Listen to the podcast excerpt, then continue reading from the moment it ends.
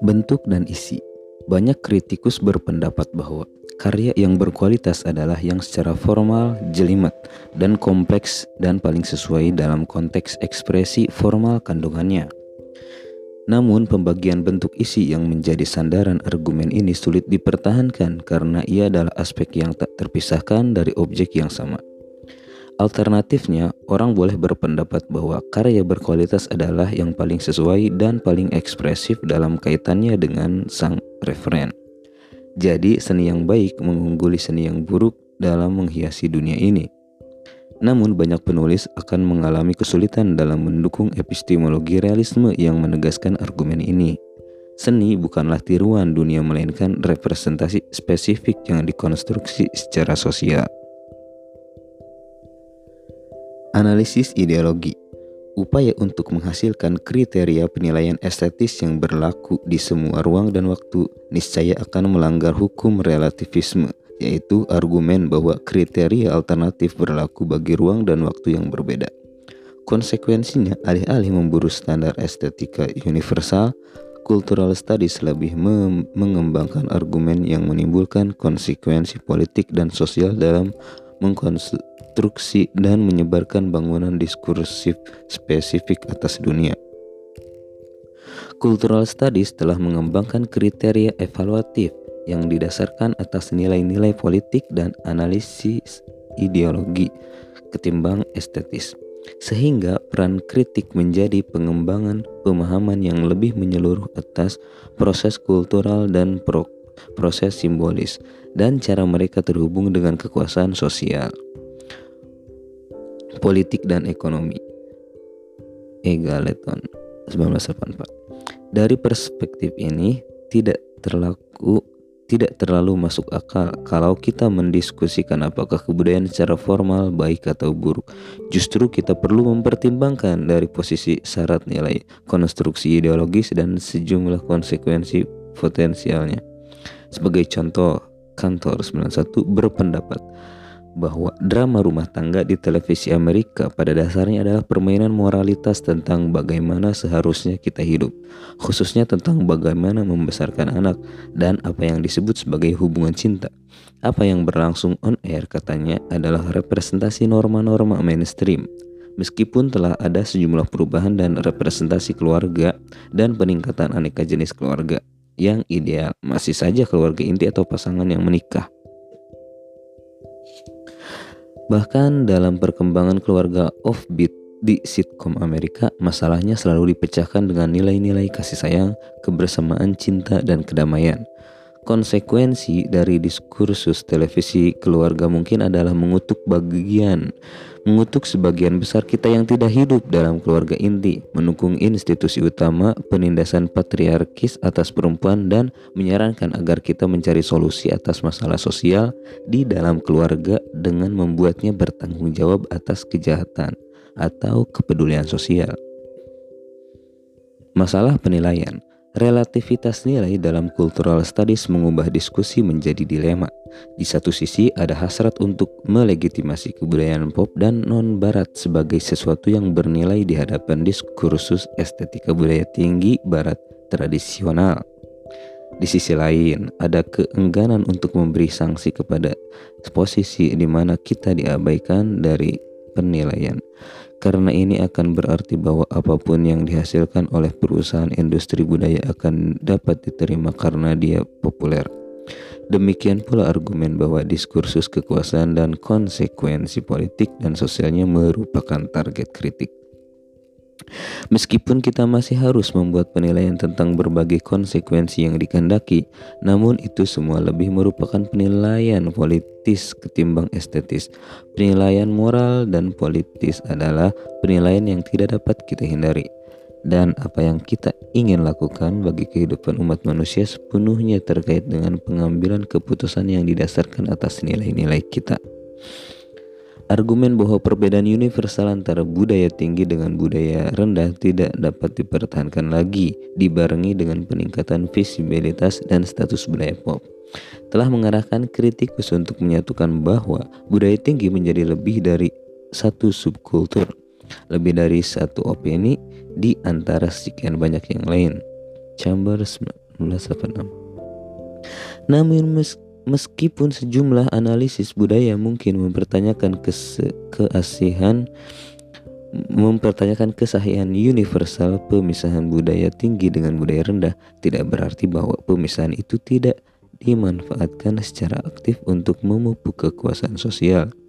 Seperti dikatakan Pierre Bourdieu 84, pertanyaan tentang selera dan penilaian budaya tetap menjadi sumber daya dalam pembagian kelas dan kekuasaan sosial yang menandai batas-batas kelas, kompetensi budaya, dan modal budaya.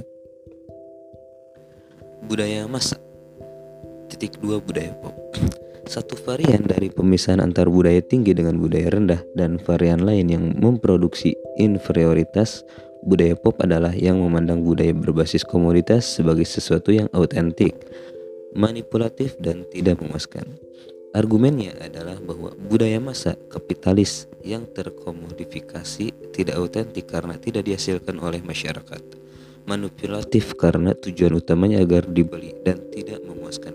Karena selain mudah dikonsumsi, ia pun tidak mensyaratkan terlalu banyak kerja dan gagal memperkaya. Pandangan ini dipegang teguh oleh kritikus konservatif seperti Levis dan oleh mazhab Frankfurt yang, di, yang terilhami gagasan Marxis. Jadi Adorno dan Horkheimer memadukan fase industri budaya untuk menunjukkan bahwa kebudayaan kini sepenuhnya saling berputar. Kebudayaan kini sepenuhnya saling berpautan dengan ekonomi politik dan produksi budaya oleh perusahaan kapitalis. Dalam konteks ini, kedua penulis berusaha mengeksplorasi makna-makna budaya, produksi massal dan ragam orang serta tatanan sosial yang kata mereka ditimbulkan oleh kebudayaan. Kebudayaan sebagai pembohongan massal. Sikap Adorno dan Horkheimer terhadap budaya massa dinyatakan secara terang-terangan dan tegas dalam judul esai mereka Budaya Industri Pencerahan sebagai Pembohongan Massal. Mereka berpendapat bahwa produk budaya adalah komoditas yang dihasilkan oleh industri budaya yang meski demokratis, individualistis, dan beragam, namun pada kenyataannya otoriter, konformis, dan sangat terstandarisasikan. Jadi kebudayaan membunuh membubuhkan stempel yang sama atas berbagai hal. Jadi kebudayaan membubuhkan stempel yang sama atas berbagai hal. Film, radio, dan majalah menciptakan suatu sistem yang beragam secara keseluruhan untuk semua bagian. Keragaman produk industri budaya adalah suatu alat suatu alusi untuk sesuatu yang disediakan bagi semua orang sehingga untuk seorang pun bisa lari darinya. Adorno 41 memandang musik pop khususnya jazz sebagai suatu polesan meski dengan originalitas dan tidak memerlukan terlalu banyak usaha oleh audiensnya. Bagi Adorno, tujuan musik standar adalah reaksi standar dan penegasan atas kehidupan sebagaimana adanya. Ini bukan cuma soal makna yang tersembunyi, namun soal penstrukturan psikis manusia secara kompromis. Adorno mengganti istilah ideologi sebagai ide dengan psikologi Freudian dalam berpendapat bahwa industri budaya bersama dengan keluarga memproduksi kelemahan ego dan kepribadian otoriter. Sebaliknya, seni kritis Adorno tidak diorientasikan kepada pasar dan menantang standar logika masyarakat yang terverifikasi. Menurut Adorno, contohnya adalah musik atonal tanpa nada. Schoenberg yang menurutnya memaksa kita berpikir tentang cara baru dalam melihat dunia ini. Kita bisa mencatat bahwa kritik yang dikemukakan ini benar-benar bentuk ketimbang isi. Benar-benar soal bentuk ketimbang isi. Khususnya aliran non-realisme dan sifat asing seni yang memberikan inspirasi melalui negativitas utopisnya. Kritik Mazhab Frankfurt Analisis Mazhab Frankfurt bersifat pesimistis. Dia berpegangan pada pandangan dengan pada pandangan yang kelewat monolitik tentang industri budaya dan mengabaikan efektivitas politik budaya pop. Budaya pop dipandang rendah dan terkontaminasi secara estetis maupun secara politis. Mazhab Frankfurt memiliki kesamaan dengan Levis yang sebetulnya sangat berlainan. Dalam hal penggunaan analisis tekstual, ini mereka sebut kritik imanen, yaitu kritik atas makna internal produk budaya. Dalam melak dalam melakukan hal ini, mazhab Frankfurt berasumsi bahwa makna yang dipersem, dipersamakan ditelan mentah-mentah oleh audiens. Kemudian mereka menuai kritik karena terlalu menekankan konstruksi estetis dan internal produk budaya. Didapatkannya reaksi audien dan dari kritik imanen. Pendapat inilah yang ditentang oleh penelitian cultural studies belakangan dalam paradigma audien aktif. Benar argumen yang berkembang dalam analisis mazhab Frankfurt bersifat indikatif terhadap debat lebih jauh antara mereka yang menempatkan pembentukan makna pada level produksi atau teks dengan mereka yang mempersepsikannya sebagai momen konsumsi. Konsumsi kreatif Cultural Studies yang berorientasi kepada konsumsi berpendapat bahwa meskipun produksi musik pop, film, televisi, dan pakaian ada di tangan perusahaan kapitalis transnasional, makna selalu diproduksi, diubah, dan diatur pada level konsumen oleh orang yang merupakan produsen aktif makna. Khususnya ini berlaku dalam suatu lingkungan ekses semiotik di mana persebaran sirkulasi tanda-tanda polisemis menjadikan segala makna dominan lebih sulit melekat. Penulis semacam Chambers 1987, 1990, Fiske 1989, dan Hebedige 1988 telah mendiskusikan aktivitas produksi makna secara kreatif yang dilakukan konsumen yang menjadi bricoler menyeleksi dan menata elemen komoditas dan tanda-tanda yang penuh makna. Sebaliknya, Willis 90 berpendapat bahwa alih-alih inheren di dalam komoditas, makna dan nilai dikonstruksikan melalui pemakaian secara sosial. Secara umum diperdebatkan bahwa orang menjelajahi arena dan tempat makan yang meskipun bukan ciptaan mereka sendiri, tetap merupakan sesuatu yang di dalamnya mereka dapat secara aktif memproduksi. Pada produksi rasional, ekspansionis, dan pada saat yang sama tersentralisasikan, menggoda dan spektakuler. Terdapat produksi lain yang disebut dengan konsumsi. Konsumsi bersifat menipu, terisolasi, namun ia memasukkan dirinya ke mana-mana secara sembunyi-sembunyi dan hampir tak terlibat karena ia tidak mewujudkan dirinya melalui produknya sendiri, melainkan melalui cara menggunakan produk yang dipaksakan oleh tatanan ekonomi dominan. Dekertau 1984 Mengikuti Dekertau, Fiske berpendapat bahwa budaya pop dibangun oleh makna yang diciptakan orang ketimbang makna yang dapat diidentikan dengan teks. Meskipun dia paham bahwa budaya pop begitu banyak dihasilkan oleh perusahaan kapitalis, dia lebih memfokuskan perhatiannya kepada taktik populer di mana kekuatan-kekuatan ini ditangani, dihindari dan dipertahankan. Fiske 1989.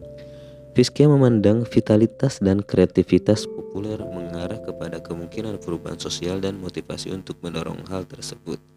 Lebih jauh lagi, dia berpendapat bahwa 80-90% produk gagal meskipun melakukan promosi besar-besaran. Yang dia maksud adalah bahwa industri budaya harus bekerja keras untuk memaksa kita mengonsumsi budaya masa. Konsums, konsumen bukanlah orang dungu yang pasif melainkan produsen aktif makna yang tengah melakukan pemilahan. Patut dicatat bahwa meski para kritikus menjelaskan produksi berbicara tentang budaya masa, para penulis yang menerangkan konsumsi lebih suka menyebutnya budaya pop. Istilah budaya masa dan budaya pop bersifat evaluatif dalam kaitannya dengan harga komoditas dan kapasitas konsumen. Budaya pop ada sejumlah cara penggunaan istilah budaya pop.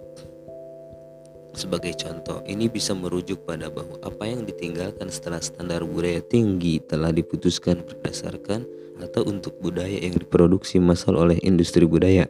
Perspektif ini senada dengan karya Levis dan Adorno yang memandang budaya pop sebagai sesuatu yang lebih rendah dari parternya dalam pembagian biner. Dalam memikirkan kebudayaan secara lebih serius, cultural studies menentang watak definisi elitis ini. Pemahaman budaya pop yang dianut oleh kritikus yang tidak menyukai bu budaya komoditas namun tidak ingin mengetuk sepenuhnya budaya ini adalah mempertentangkan budaya masa dengan budaya rakyat autentik yang, yang dihasilkan oleh masyarakat. Pandangan semacam itu menghantui pencarian zaman keemasan yang ditunjukkan oleh para teoretisi budaya konservatif dan para kritikus sayap kiri terhadap komodifikasi kebudayaan.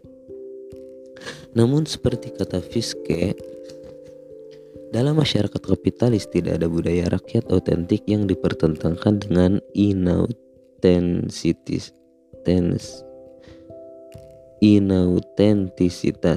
budaya masa sehingga meratapi hilangnya budaya otentik adalah suatu usaha sia-sia dalam nostalgia zaman romantik. Fiske 1989 Budaya pop terutama adalah suatu budaya yang diproduksi secara komersial dan tidak ada alasan untuk berpikir bahwa tampaknya ia akan berubah di masa yang akan datang. Namun dinyatakan bahwa audiens pop di menciptakan makna mereka sendiri melalui teks budaya pop dan melahirkan kompetensi budaya dan sumber daya diskursif mereka sendiri. Budaya pop dipandang sebagai makna dan praktik yang dihasilkan oleh audien pop pada saat konsumsi dan studi budaya pop terpusat pada bagaimana dia digunakan. Argumen-argumen ini menunjukkan adanya pengulangan pertanyaan tradisional tentang bagaimana industri budaya memalingkan orang kepada komoditas yang mengabdi kepada kepentingannya dan lebih suka mengeksplorasi bagaimana orang mengalihkan produk industri menjadi budaya pop yang mengabdi kepada kepentingannya. Yang populer itu yang politis. Cultural Studies bekerja dengan konsepsi positif tentang budaya pop yang dinilai dan dianalisis secara kritis. Cultural Studies menolak pandangan elitis mengenai budaya tinggi, budaya rendah atau kritik atas budaya masa. Sebagaimana dikemukakan McGuigan, Cultural Studies memiliki bakat populis di mana populisme budaya merupakan asumsi intelektual yang dibuat oleh para pengkaji budaya pop bahwa pengalaman dan praktik simbolis orang-orang biasa lebih penting secara analitis dan secara politis dibandingkan dengan kebudayaan dengan huruf K besar. McGuigan 92 Budaya pop terbangun melalui produksi makna populer yang terbentuk pada saat konsumsi. Makna meru makna tersebut merupakan arena perselisihan, kontestation, nilai-nilai politis dan nilai-nilai budaya. Sebagaimana dikatakan Hall 1977 1981 1996 budaya pop adalah arena konsensus dan resistensi dalam memperjuangkan makna budaya. Budaya pop adalah arena konsensus dan resistensi dalam memperjuangkan makna budaya. Dia adalah tempat di mana hegemoni budaya dima, dimapankan atau ditentang Hal mengembalikan kita kepada konsumsi konsepsi politis budaya pop sebagai arena memperjuangkan makna. Penilaian atas budaya pop terpusat pada pertanyaan yang tidak diarahkan kepada nilai estetis atau nilai-nilai budaya, budaya, budaya baik atau budaya buruk namun diarahkan kepada kekuasaan dan tempat budaya pop di dalam bangunan sosial yang lebih luas. Konsep populer menentang bukan hanya pemisahan antara budaya tinggi dengan budaya rendah, namun juga menentang aksi klasifikasi budaya dengan dan melalui kekuasaan. Hall 96 Kebudayaan dan bangunan sosial Konsepsi politik kebudayaan yang dikemukakan oleh cultural studies berakar pada perdebatan tentang tempat kebudayaan dalam bangunan sosial dan hubungannya dengan praktik-praktik lain, khususnya ekonomi dan politik. Perdebatan ini berkembang secara historis dalam konteks warisan Marxis dalam cultural studies. Marxisme dan metafora basis dan suprastruktur Marxisme atau materialisme historis adalah suatu filsafat yang mencoba mengait produksi dan reproduksi kebudayaan dengan organisasi kondisi kehidupan materi. Kebudayaan adalah suatu kekuatan korporel jasmania yang terikat kepada produksi sejumlah kondisi material eksistensi yang di atas secara sosial dan mengacu kepada bentuk-bentuk yang diasumsikan oleh eksistensi sosial yang ada di bawah sejumlah kondisi historis yang pasti.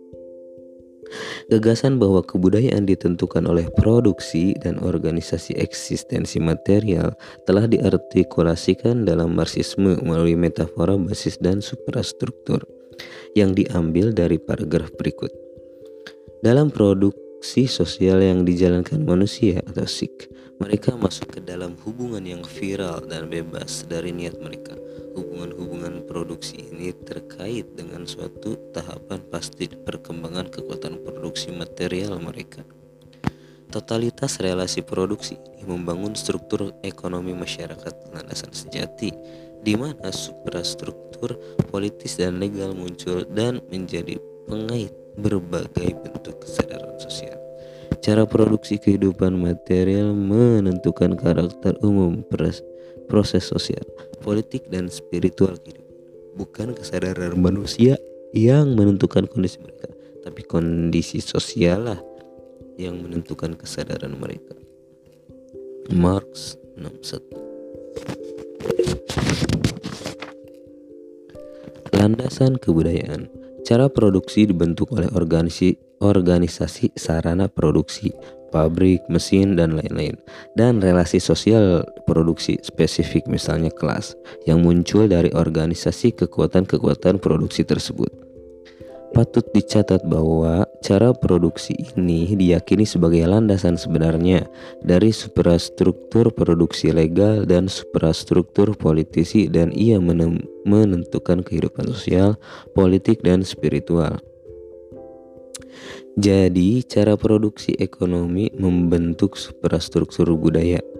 Kebudayaan sebagai konsekuensi cara produksi yang khas secara historis bukan suatu arena netral karena hubungan produksi yang ada antar individu niscaya juga harus mengekspresikan diri mereka sebagai relasi politis dan relasi legal.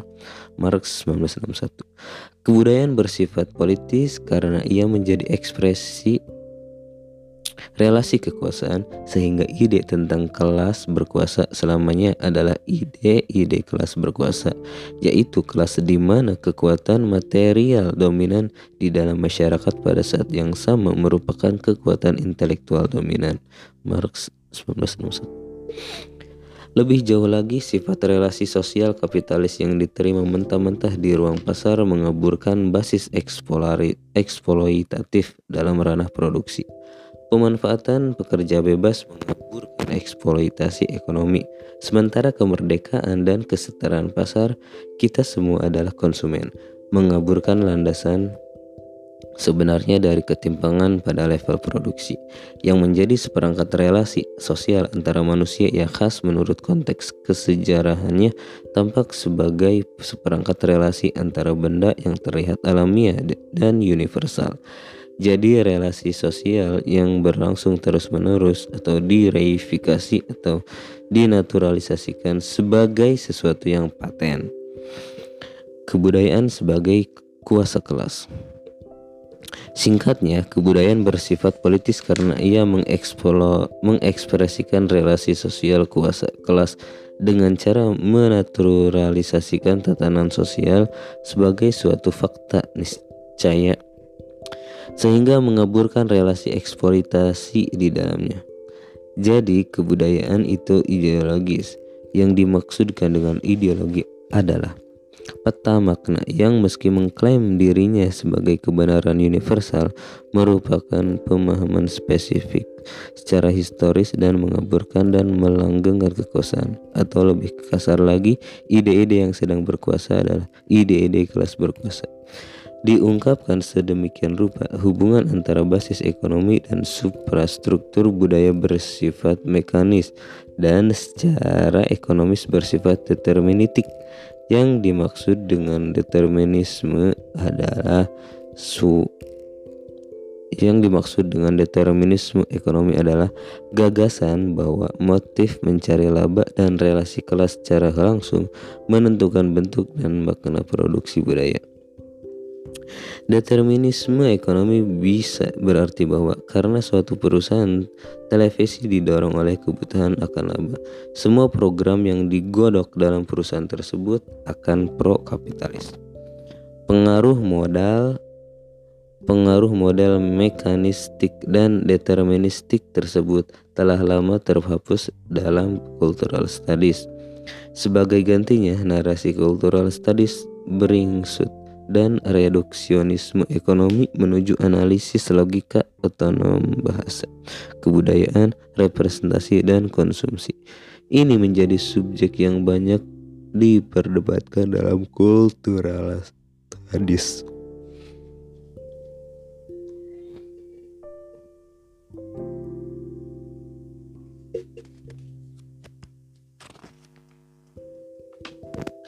Spesifitas budaya Kebanyakan pemikir dalam cultural studies menolak reduksionisme ekonomi karena terlalu simplisitis ketika gagal memberi ciri khas mereka sendiri ke dalam praktik-praktik budaya. Meskipun analisis determinan ekonomi mungkin diperlukan bagi semua pemahaman kebudayaan, namun ia tidak dan tidak mungkin memadai. Kita perlu menelaah fenomena budaya dalam hal aturan, logika, perkembangan, dan efektivitas mereka.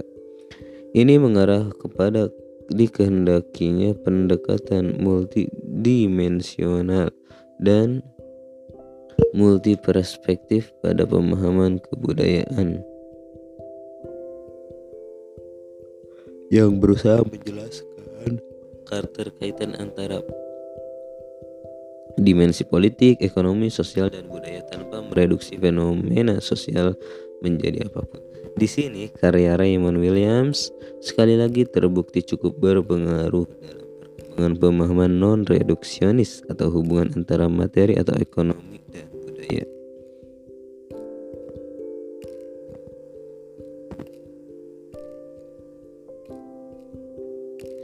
Williams, totalitas dan jarak variabel politik. Bagi Williams, kebudayaan adalah pembangun sekaligus ekspresi totalitas sosial hubungan antara manusia dan praktik. Dia mendiskusikan relasi antara antara ekonomi dengan budaya dalam hal penetapan batas yang dimaksud yang dia maksud adalah ekonomi menetapkan batas apa yang dapat dilakukan atau diekspresikan dalam kebudayaan namun tidak menentukan makna praktik budaya dalam hubungan langsung satu persatu. Williams berbicara tentang jarak variabel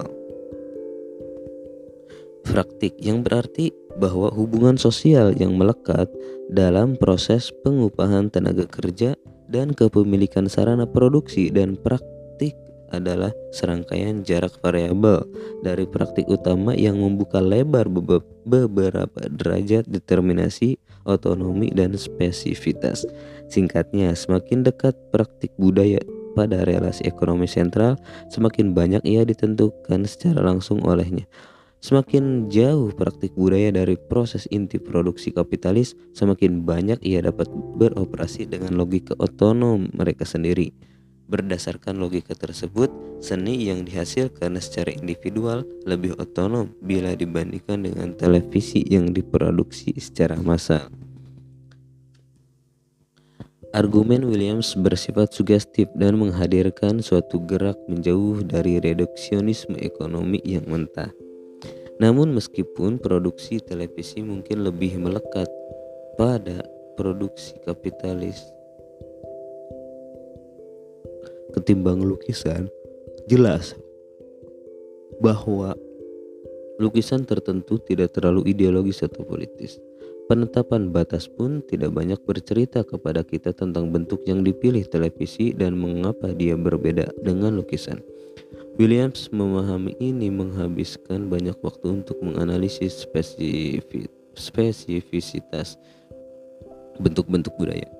Namun dia tidak memecahkan atau mengonseptualisasikan secara baik hubungan antara kebudayaan dan ekonomi. Dalam skema Williams, model mentah basis suprastruktur telah digeser dan digantikan dengan konsep masyarakat sebagai suatu totalitas ekspresif di mana semua praktik politik, ekonomi, ideologi berinteraksi, memediasi, dan mempengaruhi satu sama lain. Sebagaimana dinyatakan hal fase perkembangan teoretis dalam struktural studies yang mengikuti kulturalisme Williams dapat diidentikan dengan sejumlah pengaruh yang menyala pencarian totalitas. Ini adalah momen strukturalisme dalam kultural studies dan lebih khusus lagi momen marxisme strukturalis Althusser. Sekian